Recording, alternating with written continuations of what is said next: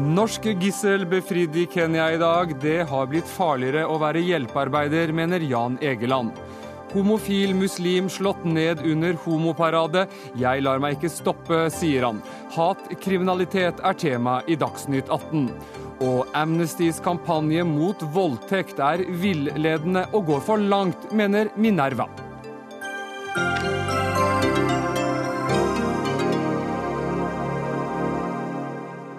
Velkommen til eh, Dagsnytt 18. Eh, Jeg heter eh, Erik Aasheim. I dag ble Flyktninghjelpens fire medarbeidere, deriblant norske Astrid Sehl, befridd av somaliske militære. Fredag ble de kidnappet under et besøk i en flyktningleir på grensen mellom Kenya og Somalia. Og, og Rolf A. Vestvik, du er leder for samfunns- og informasjonsavdelingen i Flyktninghjelpen. Hvordan står det til med dine kolleger? De fire har det etter forholdene bra. Eh, en av de har en skuddskade i den ene foten. Det er litt uklart for oss om man fikk den skuddskaden under kidnappinga på fredag eller under uh, det som nok var en dramatisk løslatelse i, um, i dag, dag, tidlig. Men bortsett fra det så virker det som at de er, har det etter forholdene bra. Utviklingsminister Heikki eh, Holmås, eh, du har i dag vært med eh, i et toppmøte i kontaktgruppen for Somalia i Roma, og, og du har akkurat kommet ut fra dette møtet der du bl.a. traff Somalias statsminister Abdiveli. Ble kidnappingssaken tema under samtalene? Det ble det på flere forskjellige måter. Både gjennom at statsministeren sjøl tok det opp som en, en, et viktig skritt på veien mot å å bygge et uh, tryggere Somalia, nemlig betydningen av at man bygger ut sikkerheten, og at det i denne sammenhengen kunne bidra til uh, løslatelsen av gislene. Og jeg tok det selvfølgelig opp fra vår side, fordi vi var veldig takknemlige både overfor kenyanske myndigheter og somaliske myndigheter for, og overfor Amisom for denne innsatsen som har vært, uh, vært utøvd fra, fra deres side. Men etter dette møtet, hvordan vurderer du sikkerheten til hjelpearbeidere i, i dette området?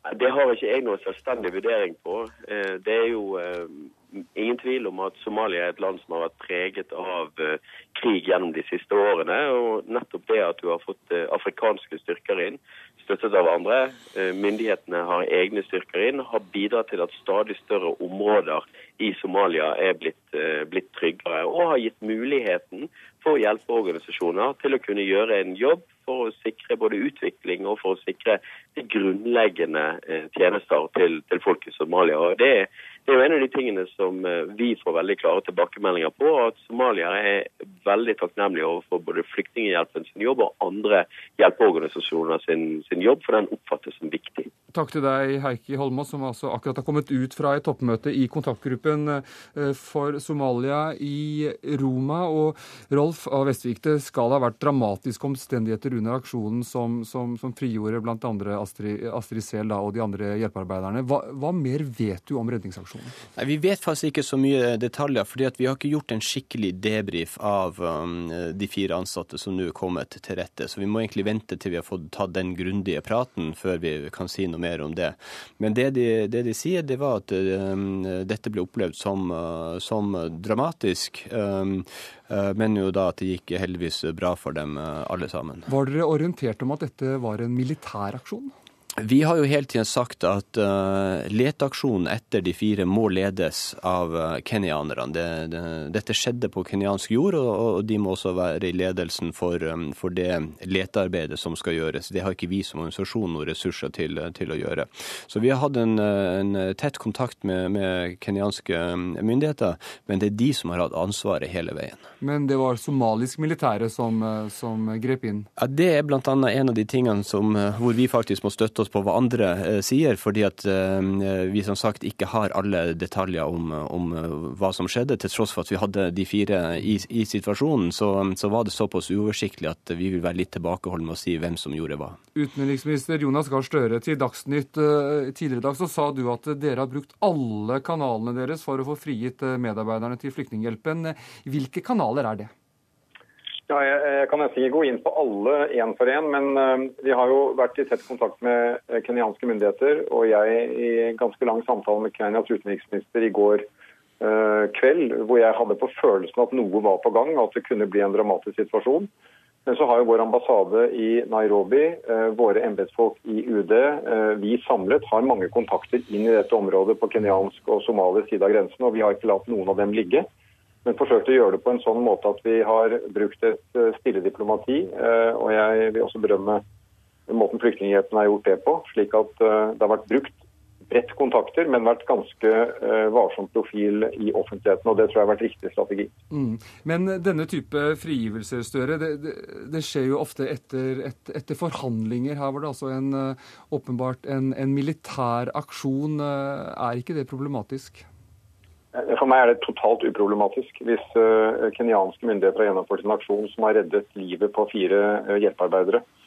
Uh, jeg sa til utenriksministeren i går at vi hadde tillit til at de gjorde vurderinger på stedet. Anmodet selvfølgelig om at enhver aksjon måtte legge maksimal vekt på gislenes sikkerhet. Men dette er jo da alvorlig kriminalitet inne på kenyansk område, og som kenyanerne må løse som best de kan. Og jeg mener det er fullt ut legitimt av dem å bruke makt Eh, for å få frigitt eh, gislene. Men det er selvfølgelig farlig, fordi det kan også gå utover de de prøver å frigi. Hvis det er slik at den aksjonen har vært så dramatisk som vi har hørt, og de er frigitt, så må vi bare berømme dem for måten de har gjennomført det på. NRKs Afrika-korrespondent Lars Sigurd Sunnanå, eh, hvordan kommenterer kenyanske myndigheter denne aksjonen? Nei, Kenyanske myndigheter prøver jo å fremstille dette som om det er Eh, holdt på å si Kenya som har gått i bresjen for denne aksjonen.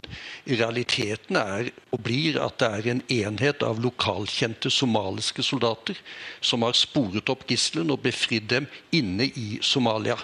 Og eh, det er eh, i beskjeden grad at kenyanerne har vært medvirkende til denne lykkelige løsningen som skjedde i morgentimene i dag.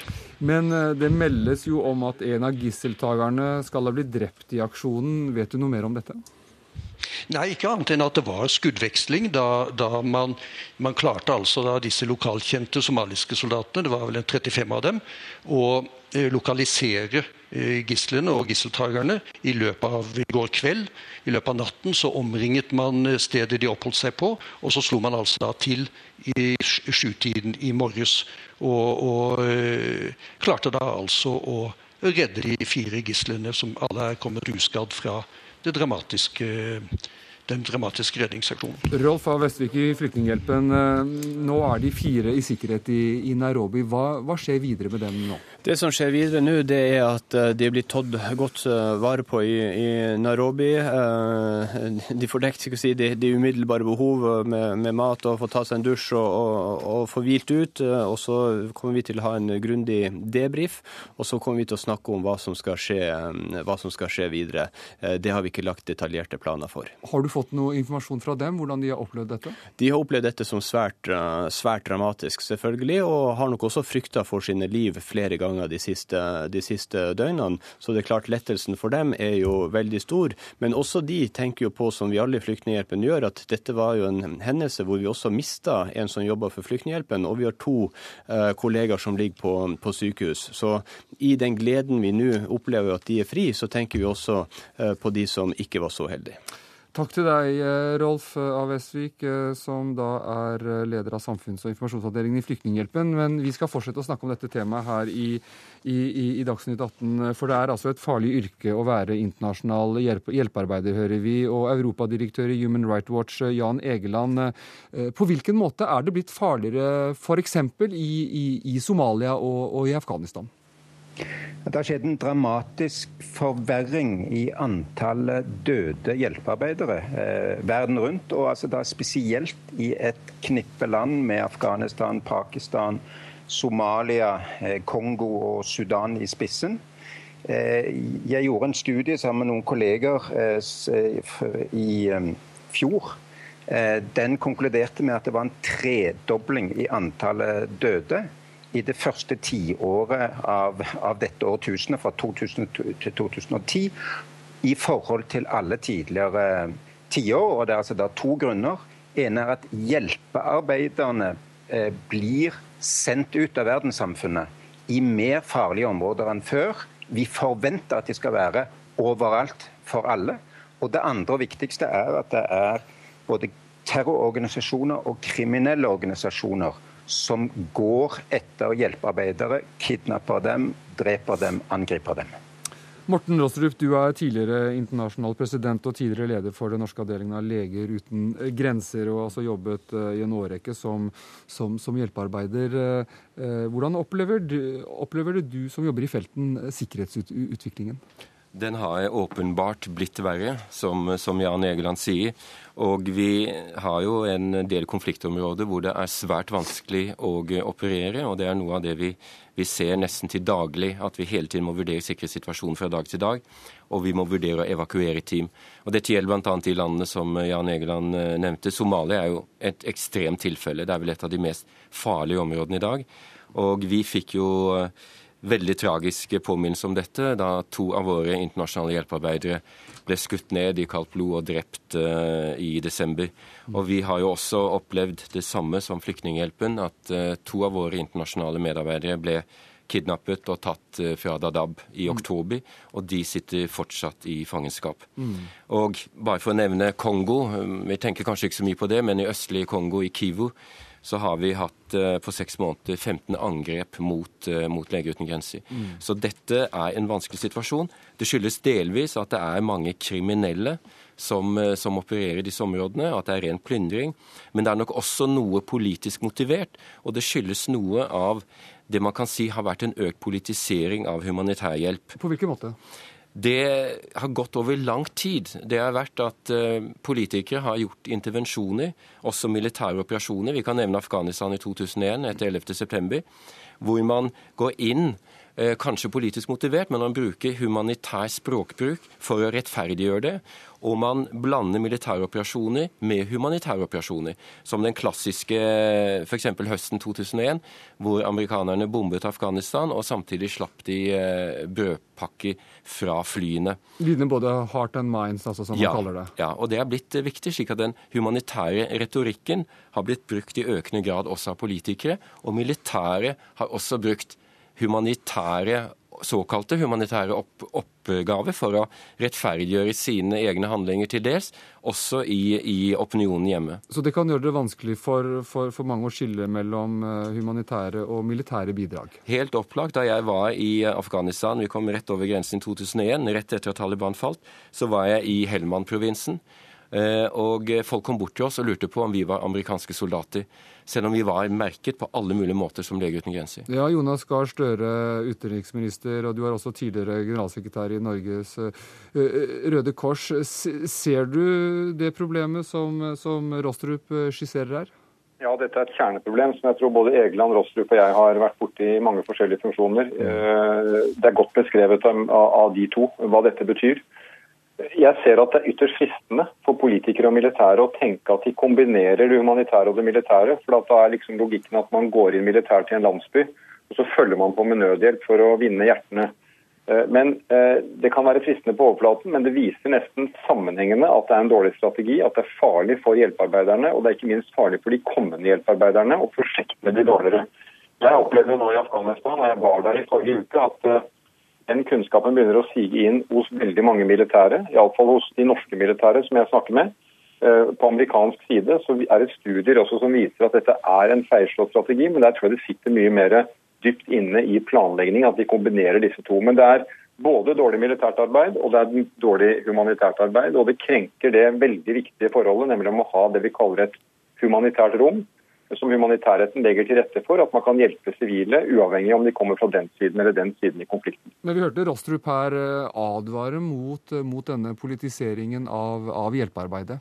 Ja, men Det er helt riktig, eh, og han må fortsette å gjøre det. Og, og men du da? Det. Nei, jeg, jeg, mener jeg gjør det, jeg òg. Alle steder. Forsvarsministeren gjør det. Vi tror det er dårlig, dårlig politikk, dårlig virksomt. Tanken på at militæret kommer inn i en landsby og har dollar på baklomma som skal forsøke å få de lokale over, eller ha med et hjelpeprosjekt som skal vise at de mener noe godt. Allianser skifter i felten, og det mm. er, eh, det er en dårlig strategi som ikke bør forfølges. Men når Rostrup får spørsmål om han er hjelpearbeider eller uh, militærmann, så, så, så, så, er det jo et problem? Ja, det er et kjempeproblem. Og det er bare enormt viktig at han da kan si med full integritet at han er hjelpearbeider, han er humanitær. Og da skal det, og jeg vet at det kan være en viss idealisme over det, men jeg tror det er viktig å holde fast på det. Da skal det være nok til at han blir respektert av de stridende parter. Og vi har jo veldig mange eksempler på at det blir respektert i mange konflikter hvor faktisk Internasjonal Røde Kors, Leger uten grenser, som er vel de som rene styrker uh, nøytralitetsprinsippet, kan gå mellom ulike uh, utsatte grupper uten mm. å bli angrepet. Det som eh, er problemet her Én ting at jeg kan godt påstå at jeg er en humanitær hjelpearbeider, og jeg kan vise til det. men det har vært en økende tendens at hjelpeorganisasjoner har blitt veldig mye assosiert med, med vestlige allianser, som f.eks. I, i, i Afghanistan.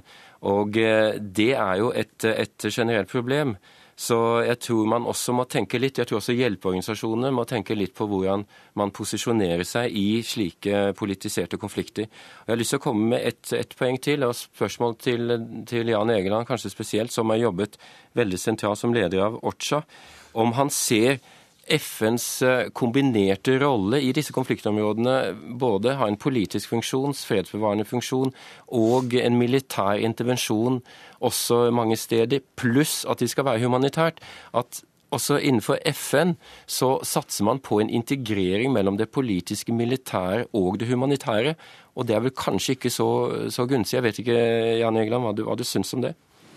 Nei, Det er et uh, dilemma. Jeg brukte mye tid på det da jeg var i FN, nemlig disse integrerte operasjonene som du viser til, hvor FN skal styre en nasjon fra krig og kaos til fred og utvikling. Og der har man FN-politikere, altså politiske meglere, man har soldater, og så har man rene humanitære, som f.eks. Unicef som skal være like styrt av humanitære upartiskhetsprinsipper som Leger uten grenser. Dilemmaet er jo mye at, at man, man, skal ikke bare lindre såret i dag, man skal prøve å få samfunnet ut av krisen og kaoset og fram til utvikling. Og Da må man også drive med sikkerhetstiltak og eh, politiske tiltak. Jeg mener imidlertid at eh, det Nato gjorde i Afghanistan med disse stabiliseringslagene, som for en del land ble rett og slett eh, rifla på ryggen nærmest eh, om morgenen, og, og, og, brubygging om ettermiddagen, og skole og humanitært arbeid om kvelden,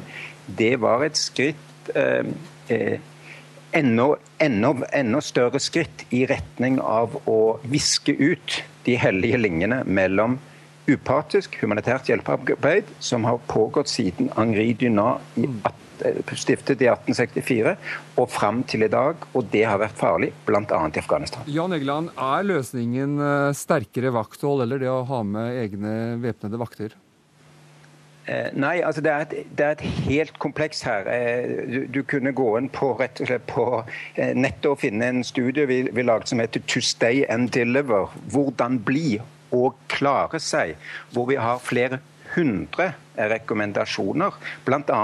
om å hegne om det upartiske her i arbeidet, men også humanitært diplomati. Mange organisasjoner gjør også feil. Det, det, det er ikke bare å klage på Nato og, og, og, og organisasjonene. Mange humanitære organisasjoner har selv politisert sin virksomhet, har selv vært uansvarlige, har selv ikke trådt riktig. Og det har gjort at også de profesjonelle organisasjonene, som f.eks. Flyktningerådet, blir mer utsatte. Så det er mange ting man må gjøre. Morten Rostrup, for deg er det en løsning å, å ha med væpnede vakter når man skal drive eh, hjelpearbeid, når man ser hvor farlig det har blitt? Nei, i utgangspunktet ikke. Vi eh, bruker det ekstremt sjelden, eh, omtrent ikke nå lenger. Vi har brukt det tidligere i, i, i Somalia.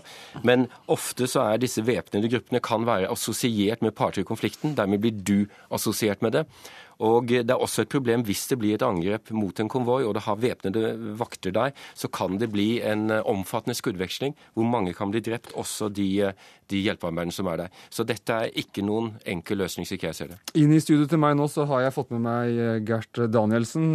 Du var tidligere utstasjonert for FNs utviklingsprogram i Jemen, og i, i januar så ble du selv kidnappet i hovedstaden Sana. og etter å ha sittet i fangenskap, så er det mange som opplever eh, det vanskelig å komme til, til hverdagen. Og nå ble det en, en, lang helg eh, med dramatikk for disse fire hjelpearbeiderne eh, i, i, Somalia. Eh, eh, hva har vært viktigst for deg i denne prosessen?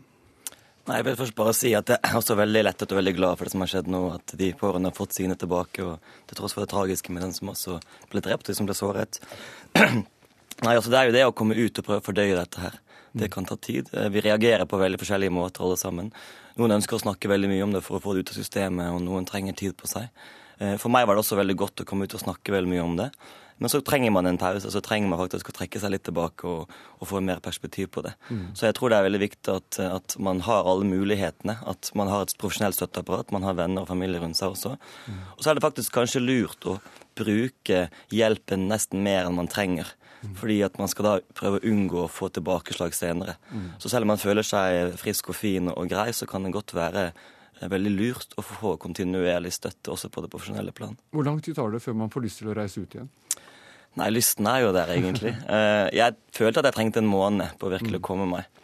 Eh, og etter det så, så fikk jeg mulighet på en ny kontrakt og, og måtte vente litt lenger pga. det administrative. Mm. Men allerede etter en, en tre-fire uker så syns jeg jeg var klar å komme ut igjen. altså. Mm. I dette tilfellet skal det jo angivelig da ha vært en, ha vært en militæraksjon og ikke forhandlinger. Du ble vel satt fri etter, etter forhandlinger, men det var fremdeles usikkerhet hele tiden, ikke sant? Absolutt. Og det, det, er veldig viktig for meg også å påpeke at situasjonen er klart, de, de kom, det kommer veldig an på hvordan det hele skjer. Her var det dramatikk med skuddveksling, så vidt jeg forstår, fra første øyeblikk. Eh, og, og, mye mer dramatikk enn kanskje det jeg opplevde i, i, i rent det voldelige. Mm. Eh, men det er klart eh, Men var du redd for at det også kunne skje med deg? At det skulle, skulle bli en, en, en militær aksjon her for å få satt deg fri? Jeg var vel egentlig ikke det. Ehm, jeg hadde vel egentlig inntrykk av at det ville være forhandling hele tiden. Nå var jeg såpass heldig at jeg hadde kontakt med omverdenen. Jeg hadde kontinuerlig kontakt med FN hver eneste mm. dag. Mm. Og det ble forklart veldig mye eh, om hva som skulle skje videre. Så, så jeg hadde vel egentlig aldri den frykten der. Men, men, det er klart når du sitter lenger og lenger, så begynner man jo å tenke på alle mulige scenarioer om hva som kan skje. Eventuelt om andre grupper også begynner å involvere seg. Mm, men det var tolv lange dager? Ja, det var tolv lange dager. Det er klart Når man sitter tilbake og ser på det nå, så er jo ikke tolv dager så lenge. Vi har disse spanjolene som sitter i Somalia, har vært der i, i, mange mange måneder. Vi har andre eksempler fra andre land hvor de sitter i år. Så jeg må jo si at det har vært veldig heldig sånn sett. Men der du sitter dag etter dag, så føles de sekundene og de minuttene ganske lange. Takk til deg, Gert Danielsen, tidligere ustasjonert for FNs utviklingsprogram i Jemen, for at du var med her i Dagsnytt 18. Hør Dagsnytt 18 når du vil på nettradio eller som podkast. nrk.no – dagsnytt 18.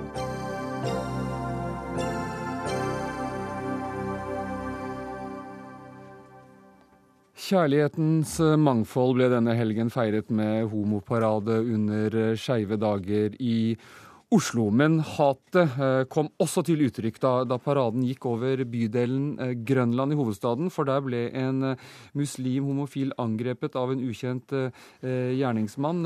Velkommen hit i studio. Du, du er i slutten av 20-årene, og du har bodd i Norge i, i ti år. Du, da du ble angrepet lørdag, så, så var du tildekket med hodeplagget nikab, eller hijab, men pga. frykt for represalier fra familie og det muslimske miljøet i, i Norge, så, så, kan vi ikke intervjue deg, fordi stemmen må eh, ikke kjennes igjen. Eh, så for å gjenfortelle hva du har fortalt oss, eh, og for å holde stemmen din anonym, så har vi fått med deg Susanne Demu Øvergaard. Du er generalsekretær i, i, i Skeiv Verden. Og hva skjedde? Eh, det han sier er at han gikk i toget, så kom det en mann eh, bort og inn i toget. og Han dro ned hijaben som han hadde på seg, og, og så sa han 'nå har jeg sett ansiktet ditt'. Eh, han sier at han ble veldig redd, og han ikke skjønte hvorfor det ble gjort. Og han sa at han ikke har gjort noe galt. Og um, i dag sitter du med, med, maske her i Dagsnytt 18. Uh, på lørdag så gikk du med en hijab for å skjule identiteten din. Og hvorfor må du det? Eh, han sier at han, han må det fordi han ikke er en åpen homofil. Eh, at han har problemer med familien sin har blitt eh, opplevd flere voldsepisoder med familien. Og de ønsker ikke at han skal vise ansiktet sitt i paraden. Og så håper han at det er ingen som har tatt bilder av han fra da han ble angrepet. Han er redd for at det ligger noen bilder av han noe sted på et nettsted eller noe. Mm. Um, hva vil skje dersom identiteten blir kjent? Eh, han sier at det er veldig vanskelig. Eh, han har opplevd tidligere at et bilde av han har havnet på nettsidene eh, i en forbindelse med noe annet han har gjort. Og da fikk han telefon, telefoner fra familien, både nært og fjernt, som sa at de skulle drepe han. Mm. Hva, hva, husker han av gjerningsmannen? Det han husker, er at han hadde skjegg, og at han var veldig sint. Og at han dro ned hijaben, så slo han, og da sa han at nå har jeg sett ansiktet ditt to ganger. Um, tror han at gjerningsmannen er muslim? Han tror det, men han sier at han ikke er en, en Han har ikke noe mørk, men han var en muslim. Mm. Og det spørsmålet vi lurer på, er, er når du kan, og når kan han ta av seg masken? Jeg tror han håper at han kan det en dag, men han er ikke sikker på om det lar seg gjøre.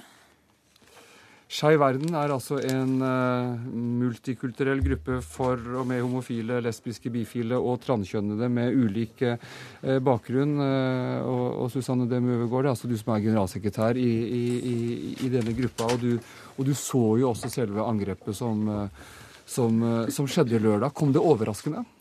Uh, om jeg ikke så det, så var jeg i hvert fall til stede og fikk med meg mesteparten av det som skjedde. Uh, de som medlemmene og de nettverk og sånn, de opplever en del uh, ubehagelige episoder og trakassering. Og kanskje også spesielt i noen, noen miljøer mer enn andre. Så, men allikevel så har vi aldri opplevd annet enn skjellsord når vi har gått i paraden over Grønland, og det har vi gjort i, i mange år nå. Mm.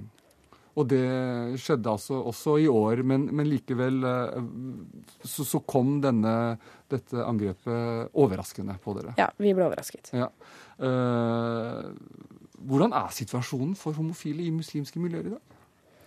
Det er et stort spørsmål, men, eh, men vi, skjønner, vi, skjønner, jo på, på, på, på, din venn her at dette er ikke lett. Nei, det er svært vanskelig. Og det er en grunn til at det kanskje finnes en eller to åpne homofile muslimer i Norge også. Mm. Um, hvordan jobber Skeiv Verden sammen med politiet for å, for, for å motvirke hatkriminalitet mot homofile?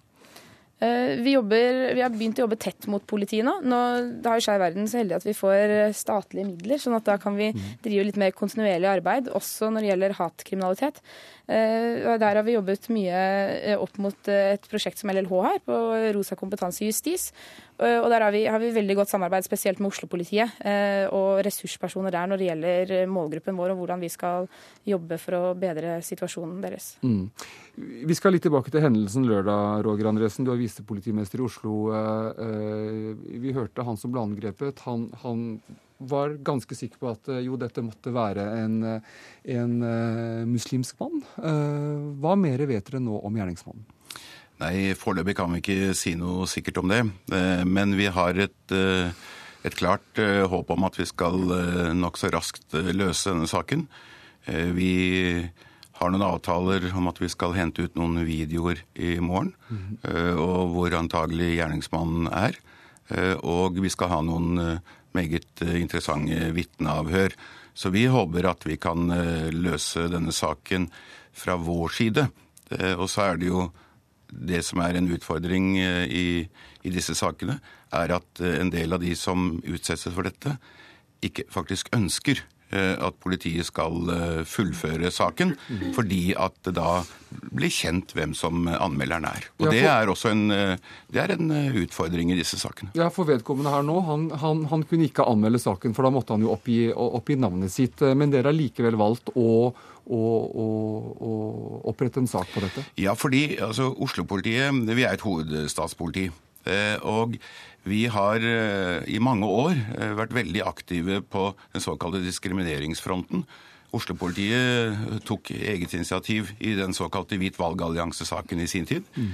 Vi har gjennom lang tid arbeidet med minoritetsorganisasjoner og, tatt folk fra dem med ut for å avdekke utestedsdiskriminering. Mm. Det var meget vellykket, og som gjorde at det mange fikk bøter, eh, og vi fikk eh, roet den situasjonen.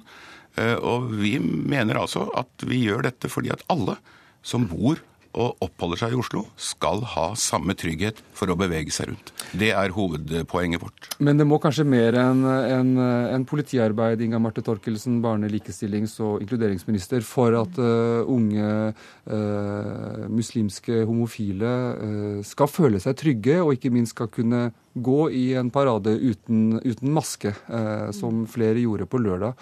du gikk selv i denne paraden. Hva er det regjeringen kan gjøre i forhold til holdningsskapende arbeid? Vi kan gjøre mye. Eh, vi kan samarbeide med alle som eh, kommer i kontakt med religiøse miljøer og med innvandrermiljøer. Eh, og så kan vi støtte Skeiv verden, som vi gjør. Og så kan vi jobbe systematisk opp mot uh, ungdom, sånn at de blir trygga uh, i sin identitet og ikke tar på seg skammen, som uh, vi opplever at mange homofile eller skeive gjør. De tar på seg skammen. Og det kjenner vi også fra mange steder i Norge. Vi kjenner det fra religiøse miljøer som er mer forankra i norsk kultur. Eh, men det er klart at mange innvandrere i Norge de kommer fra land som har forbudt homofili, akkurat som vi i Norge hadde fram til 1972. Og det påvirker jo holdninger. Og Derfor så må vi jobbe systematisk for å endre de holdningene, for å spre kunnskap om hva det gjør med unge mennesker, og mennesker uansett alder, når de må undertrykke sin egen identitet og ikke være ærlig med seg sjøl og ikke kunne være et helt menneske. Tør folk, eh, Susanne Demu Øvergaard, og, og, altså unge muslimske homofile, å ta kontakt med dere? Altså, eller er de redde for det òg? Eh, mange som er redde for det. Men mm. Eh, vi, vi, får merke stadig økning eh, i, der, i, den gruppen der som tar kontakt med oss. Veldig ofte så tar de kontakt med oss, og så ønsker de å snakke med en etnisk norsk, f.eks. Eller og så møter de oss én og én ganske mange ganger før de tør å møte oss som en gruppe. Mm. Uh, Venstrepolitiker Abid Raja, uh, hvorfor står dette hatet mot unge homofile muslimer så sterkt? Aller først så må jeg få si at det er dypt tragisk eh, at enkelte fremdeles går til angrep eh, og har dette hatet i seg eh, mot andre grupper.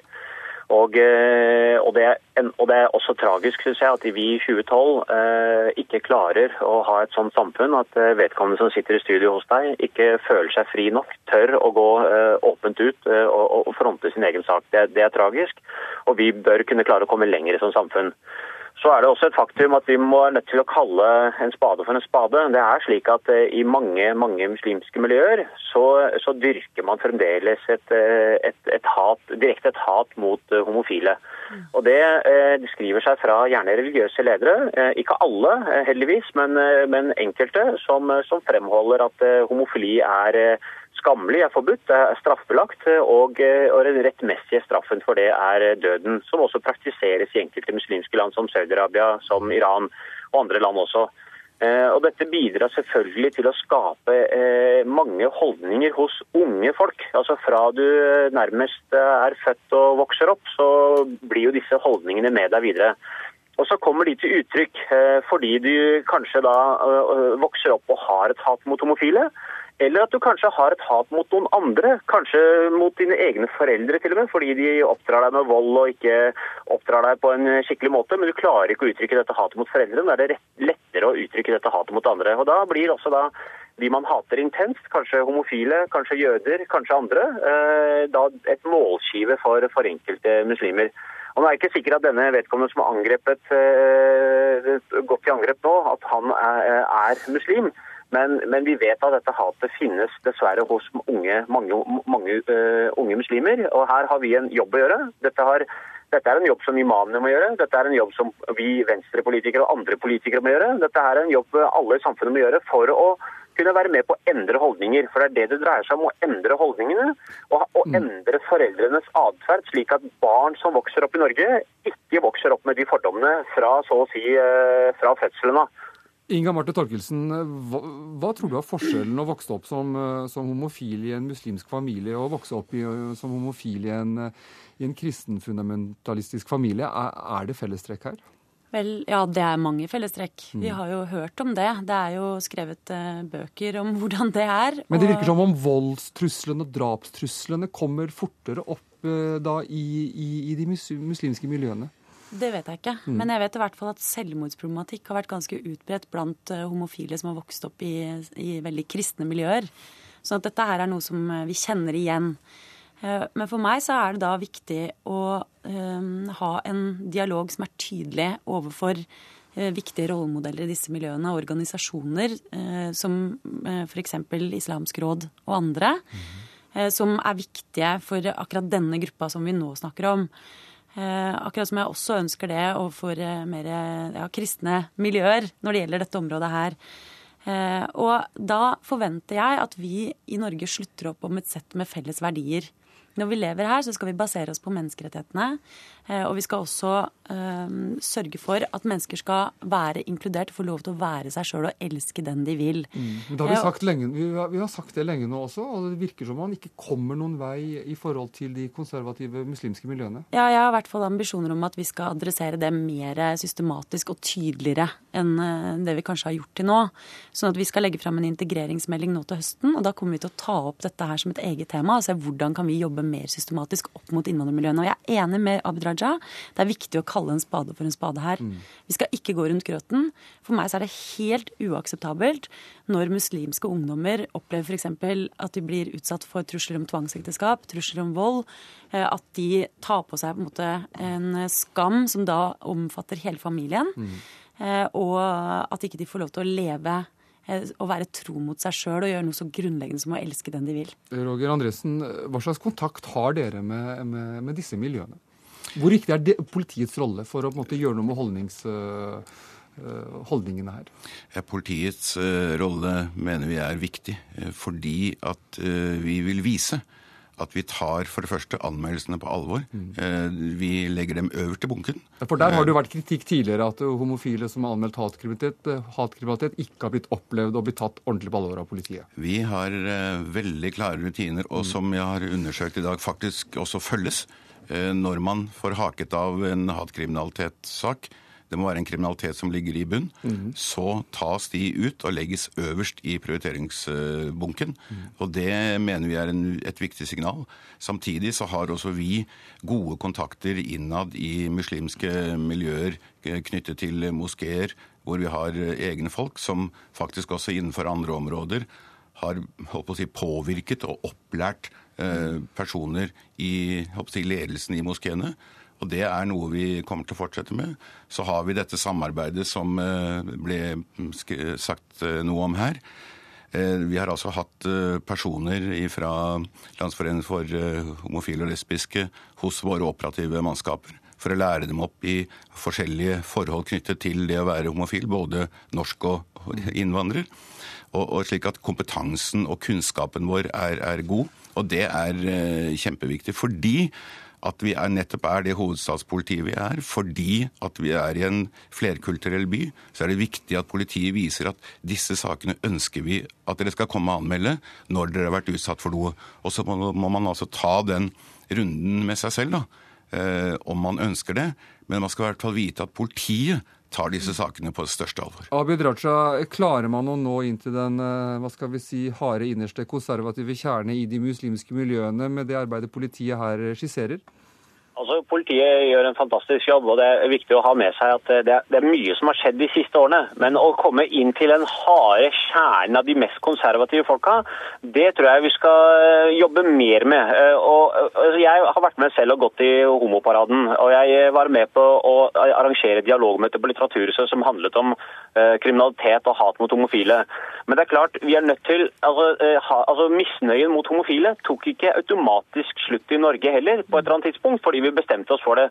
Da hadde vi langvarige kampanjer og holdningsendringskampanjer. og hvis jeg skulle bare, Mens jeg har integreringsministeren her, altså gi et, gi et uh, innspill, er jo start med noen holdningsendrende kampanjer målrettet rettet mot muslimske ledere, mot muslimer, mot innvandrere og nye grupper som kommer til Norge.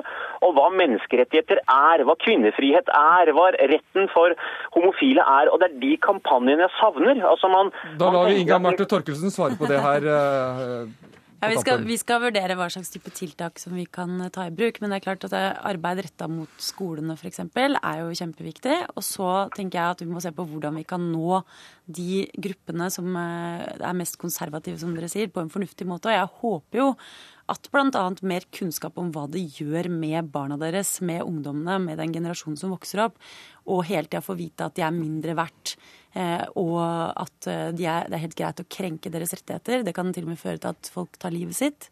Det er kjempeviktig å få fram, så jeg tar absolutt den utfordringa, Abid. Susanne Demo Øvergård i Skeiv Verden, er det denne type kampanjer som må til? Eh, ja, vi etterlyser holdningskampanjer og holdningsendringer. Det tar lang tid. Eh, men samtidig så for mange, mange som har homofile barn, så, så, skulle de gjerne sett at de hadde dødd. Og sånn er det faktisk. Og selv som åpen homofil så har jeg hørt fra mange innvandrerfamilier og mange hvor jeg har vært og snakket, at eh, de ikke forstår hvorfor familien min ikke har gjort noe.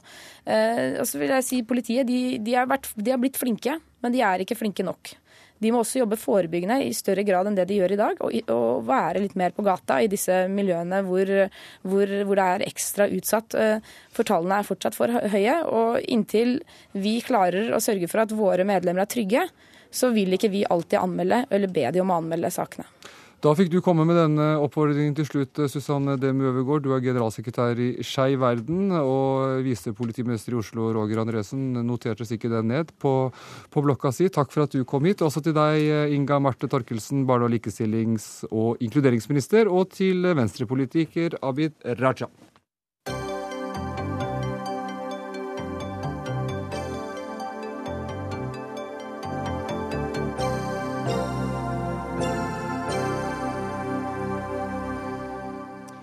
I fjor eh, startet eh, sentrumsprosjektet i Oslo, eh, der det synlige rusmiljøet sentralt i byen skulle fjernes. Nå vel ett år senere så bortviser politiet 200 narkomane bort fra området hver uke. Det er blitt 11 000 det, på, på ett år. Og Bjørnar Moxnes, du er leder i Rødt. Hva er det som er galt med dette prosjektet?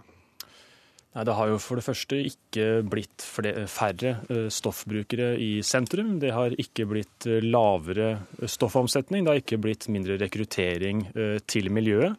Så alt det som byrådet sa skulle bli effektene av aksjonen, har ikke vist seg å, å skje.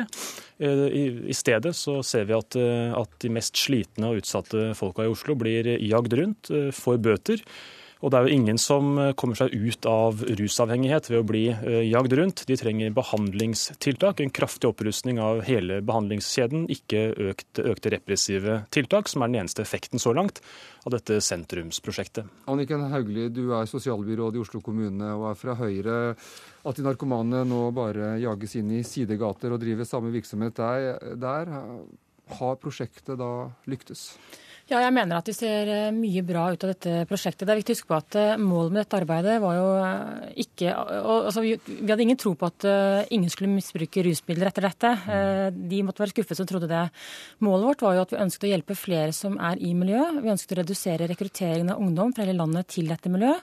Og så ønsket vi å skape en tryggere by for alle. Alle som tenker tilbake ett år, hvordan det var i dette området tidligere, og se hvordan det er nå, vil jo se Det er jo, det er jo to verdener. Det som kommunen har gjort fra vår side, er jo at vi har nå eh, omorganisert våre tjenester, slik at vi har enda flere tjenester som eh, retter seg mot det åpne rusmiljøet. Vi har etablert et eget eh, mottakssenter hvor vi har samordnet og økt en del av våre tiltak, både på helsetjeneste, på akuttovernatting, på veiledning, rådgivning osv. Mm. Vi har også nå styrket Utseksjonens oppsøkende tjeneste. Vi har fått på plass flere boliger, og vi har også fått til et bedre samarbeid mellom kommunen, politiet og, og også helsetjenesten. Det var en lang liste, men, den lange listen, men altså, denne lange listen det, har ikke ført til at det er, er, er færre mennesker som oppholder seg der? Altså det som Utseksjonen, Oslo kommune, vi, er, vi, teller mye. Vi teller ja. i alle sektorer, og også teller, vi teller her også. Og det har vi gjort over flere år. Det som uh, Utseksjonens tellinger viser, er jo at det er jo drastisk nedgang i personer som oppholder seg i det åpenlyse rusmiljøet i sentrum. Det er en markant nedgang i ungdom som oppholder seg i dette miljøet. Og det er også ned, markant nedgang i mm. antall mm. nye personer. Og så betyr ikke det at personene er borte, men man ser at det er langt flere, mer enn, mer enn 50% reduksjon i ungdom. Og jeg tenker jo eh, vi, vi, vi, vi, må bare slippe til Moxnes, for han, han, rister virkelig på hodet nå når du kommer med regnestykkene dine. Hva, hva, er galt med disse regnestykkene? De har jo flytta seg til eh, Skippergata, så det er et par eh, hundre meter lenger bort, og til Nedre Nedre Grünerløkka. Eh, det er effekten i forhold til spredninga av, av, av, av miljøet. Det som trengs, er jo i hvert fall to ting. For det første så trenger vi å styrke det akutte eh, avrusningstilbudet i Oslo. Det er halvert, og det er staten ansvarlig for. Mm. Og så har da byråden og staten krangla om hvem som har ansvaret for det i lang tid. Det hjelper ingen. Vi har foreslått at Oslo kommune må ta ansvar for å ruste opp avrusningstilbudet. Det, det, andre, det andre, er jo da å ruste opp, eh, opp behandlingstilbudet og ettervernstilbudet, og ikke minst boligtilbudet. Hva syns du om politiets rolle her, da? De er, i likhet med oss andre i bystyret, til dels eh, ført bak lyset fordi byrådet lovte to ting. For det første en intensivert eh, aksjon eh, på Plata, etterfulgt av og samtidig med en kraftig satsing på behandlingstilbudet. Når det, når, når, når, når det siste Et øyeblikk, når det nå er det jeg som har ordet. Et øyeblikk. Nei, det stemmer ikke. Altså Spør Frelsesarmeen, spør Bymisjonen, spør de rusavhengige. Det er ingen markant økning i hjelpetilbudet til de rusavhengige. Men det er markant økning i politiets intensiverte jakt og ikke minst bøtelegging av narkomane. Det hjelper ingen. Det er ren symbolpolitikk fra byrådets side. Helt kort, uh, Anniken Hauglie, hva, hva, er det du reagerer så sterkt på? Nei, altså Det jeg reagerer på, er at, uh, at Moxnes uh, tillegger Oslo kommune et ansvar kommunen dessverre ikke har. Det kan vi være enige om. Vi skulle gjerne hatt en større del av ansvaret. Jeg er helt enig i at, at man burde styrket behandlingstilbudet. og Derfor er jeg også antageligvis like skuffet som Moxnes på at når regjeringen da la fram en rusmelding nå, at det dessverre ikke var en opptrapping. Tvert imot så fikk ikke rusfeltet den opptrappingen som det burde fått i regjeringens nye stortingsmelding. Det, det kan vi være enige om. Men mm. det å på en måte byrådet ansvar for det, det er helt feil. Jeg har i hver anledning jeg har møtt helseministeren, understreket behovet for ikke bare avrusningsplasser. Det er ikke, det ikke avrusningsplassen som i dag er utfordringen, Moxnes. Utfordringen i dag er veien fra avrusing til behandling. Veien til avrusning i dag er egentlig ganske kort, faktisk, bl.a. fordi vi har fått til et langt bedre samarbeid mellom den kommunale legevakten og den statlige avrusningen. Kåre Stølen, du er stasjonssjef ved Grønland politistasjon. Altså 11 000 eh, som er blitt bortvist i løpet av et år, det er veldig masse mennesker, og det må jo ta en del av deres eh, ressurser. Er det riktig prioritering å gjøre det? I dette området her så har vi ca. 20 av all kriminalitet foregår i dette området her. Og vi jobber ut fra en langsiktig og helhetlig plan etter eh, mal for fem storbyer i Europa. Mm. Og De har kommet med en del eh, forslag. Blant annet så bør jo politikerne bli enige. Det er jo et av de store utfordringene våre. Ja, du hører her. Enig ja, er det ikke. Det, det, det, så er det, det skaper frustrasjon for politiet òg, ja, så er det politinær hver 24-7. Mm. Så skal vi ha, vi har Hver 14. år så har vi møte med de frivillige organisasjonene og Oslo kommune. Senest i dag hadde vi.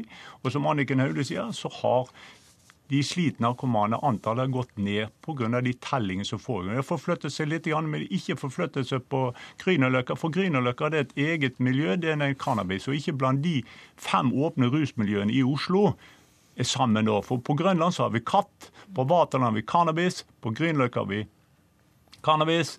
Og på åpne rusmiljøer så har vi alle sammen spesielt tunge. Og så må vi være klar over disse tilbudene. Men mange av disse slitne narkomane de vil jo ikke ha behandling. Mm. Det er jo en kjempeutfordring. Og vi, Politiet vi jager ingen. Når vi begynte, så var 70% av de som ble bortvist, de kunne vi anmeldt for bruk av narkotika. Men blir det færre folk eh, det foran færre Oslo sentralbanestasjon? der er det nesten ingen så lenge vi vites. De har forflyttet seg opp der hjelpetiltaket er lik Oslo holder til i Skippergaten, Bymisjon holder til i Skippergaten. Og disse organisasjonene har vi dialog med hver 14. dag mm. sammen. Og vi får ikke noen Vi har loggført alle de der som egentlig kunne vært en anmeldelse.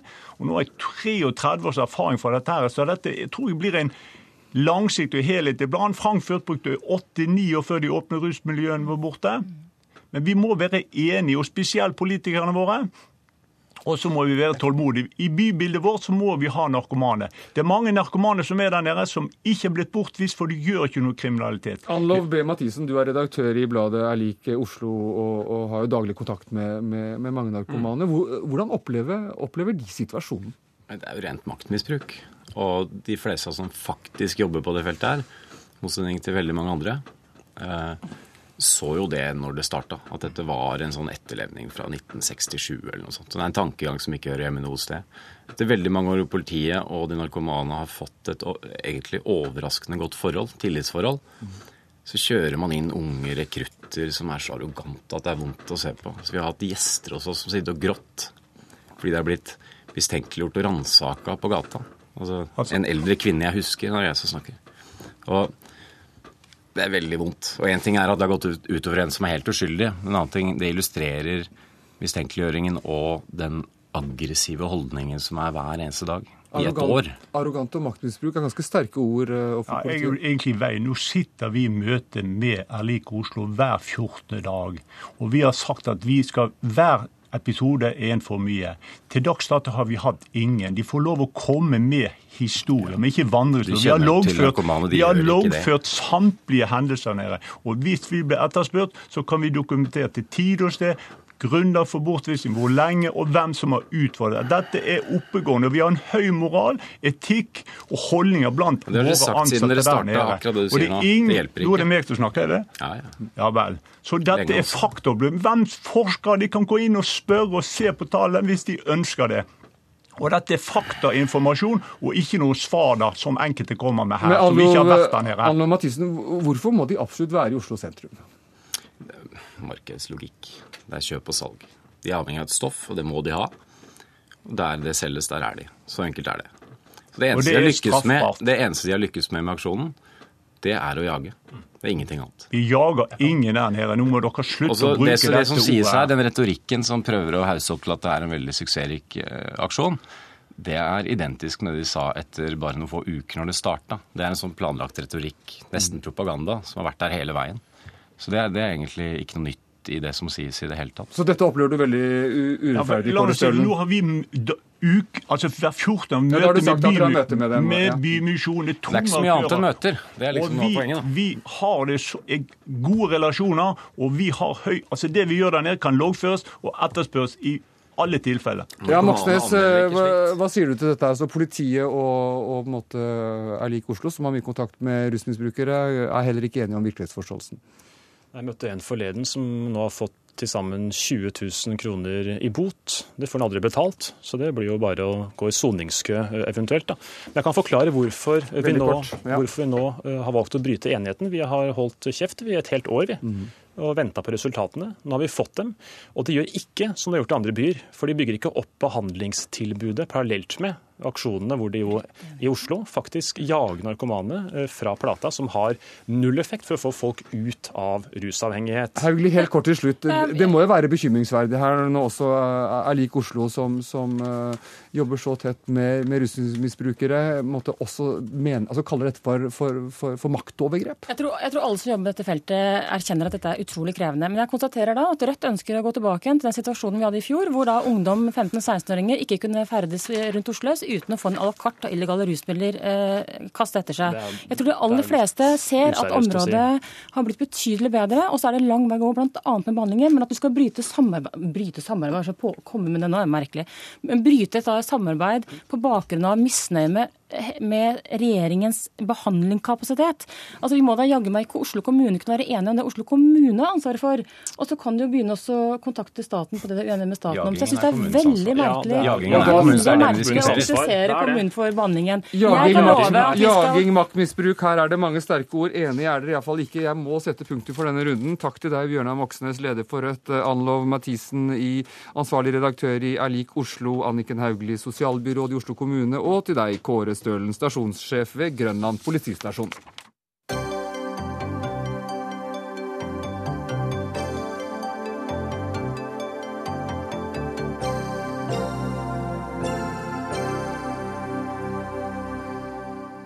Amnestys kampanje mot eh, voldtekt skaper debatt. Organisasjonen har laget en film om seksuell omgang uten samtykke, der vi ser hva som skjer med en jente og en gutt som møtes på fest og begynner å flørte. Og vi skal høre et lite utdrag her. Lirmo, vi skal ikke gå tilbake, da. Kom igjen, da. Kom igjen, da. Slå deg ned.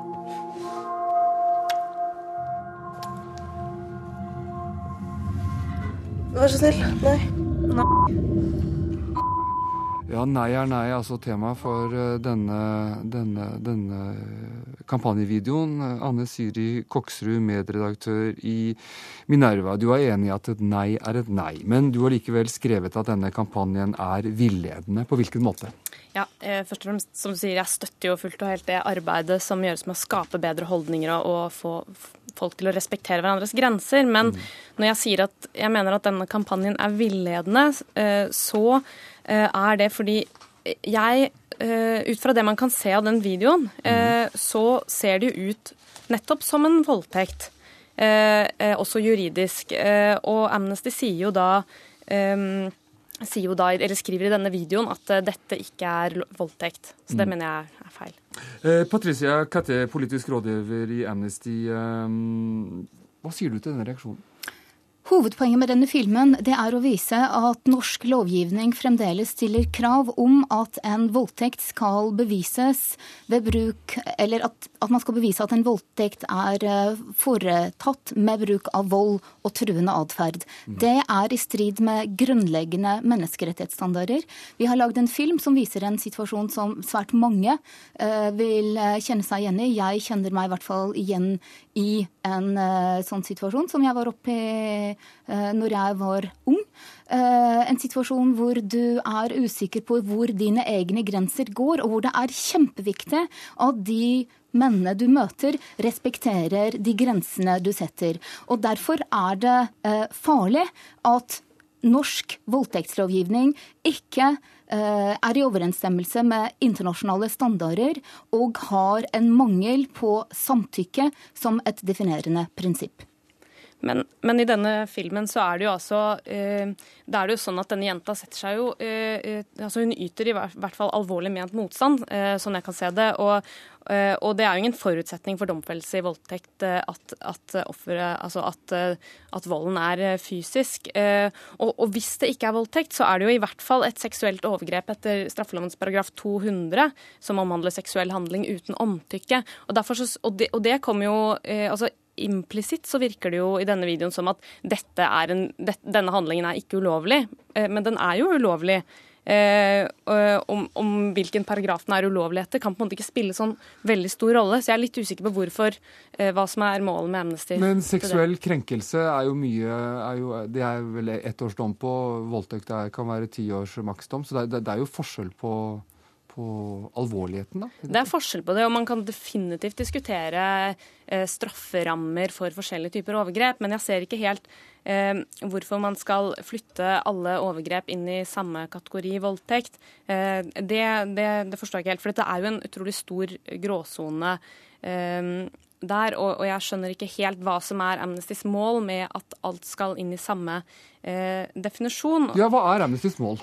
Det som er Amnestys mål, det er å skape gode holdninger mot voldtekt. Vi er fremdeles i en situasjon i Norge der mellom 8000 og 16 000 kvinner utsettes for voldtekt og voldtektsforsøk hvert eneste år. Mm. Det er uh, superviktig å komme i gang med et godt holdningsskapende arbeid, og en lov vil alltid sette, uh, legge premissene for det holdningsskapende arbeid. Men man kan ikke når bekjempe har, all uønsket når, nei, seksuell omgang med loven i hånd. Vi det er jo ikke det, men her. loven er grunnlaget for det holdningsskapende arbeidet vi gjør. Hvis ikke jeg kan si til min sønn på 14 at når du er sammen med en jente, så må du være sikker på at hun både vil og ønsker denne handlingen, for det står i loven. Så står jeg mye svakere i mitt påvirkningsarbeid i forhold til min sønn. Loven må være tydelig. Den er ikke det per i dag. Og det er det som norske myndigheter har fått en kritikk fra FN på. Ja. Så Minervas medredaktør her, hun, hun, sender ut litt uheldige signaler, rett og slett? Hun. Jeg syns hun eh, tar debatten litt på et sidespor, fordi det er alvoret i den seksuelle integritetskrenkelsen som definerer om man snakker om en seksuell krenkelse eller en voldtekt. Mm. Altså En voldtekt er samleie eller samleielignende forhold. Seksuelle krenkelser er helt andre uh, type overgrep, ja. som det å ta på uh, ei jente på brystene eller, eller, eller, på kjønnsorganene. Men jeg tror at her kommer vi til noe av, uh, av måte, kjernen her. Det er jo uh, at Amnestys kampanje, og, og, det Patricia skriver i sitt svar, det er at straffelovens voldtektsbestemmelse vil være utgangspunktet for alt holdningsskapende arbeid. Og det mener jeg er feil. Jeg mener det er stor forskjell på å si at dette kan ikke vårt rettssystem håndtere, og, eller bevise og straffe, og dette er helt greit. Og jeg syns kanskje Amnesty kunne Eh, eh, kunne på en måte vært mer opptatt av, eh, av det som er, hva som er rett og galt, da, enn på en måte hva som står i loven og ikke. Og du frykter også at ja. det, det, faktisk kan bli færre, flere, færre anmeldelser og, og færre ja, løste saker? For det første så kan det hende at noen ser denne videoen og tror at dette er, dette er ikke ulovlig, så da kan vel heller ikke jeg anmelde det hvis jeg opplevde det. Og for det andre så tror jeg at dersom man flytter flytter disse eh, seksuelle handlingene eh, uten samtykke opp i en kategori over, så kan det eh, rett og slett føre til at, at det blir vanskeligere å få straffedømt. Uh, Anne Siri Koksrud, du startet denne debatten på Minervas hjemside. Der har også Amnesty i dag svart, så dere får lese mer der hvis dere vil vite mer. Vi må sette punktum for denne runden her i Dagsnytt 18. Ansvarlig for sendingen var Karoline Rugeldal, teknisk ansvarlig Lisbeth Sellereite, og jeg heter Erik Aasheim.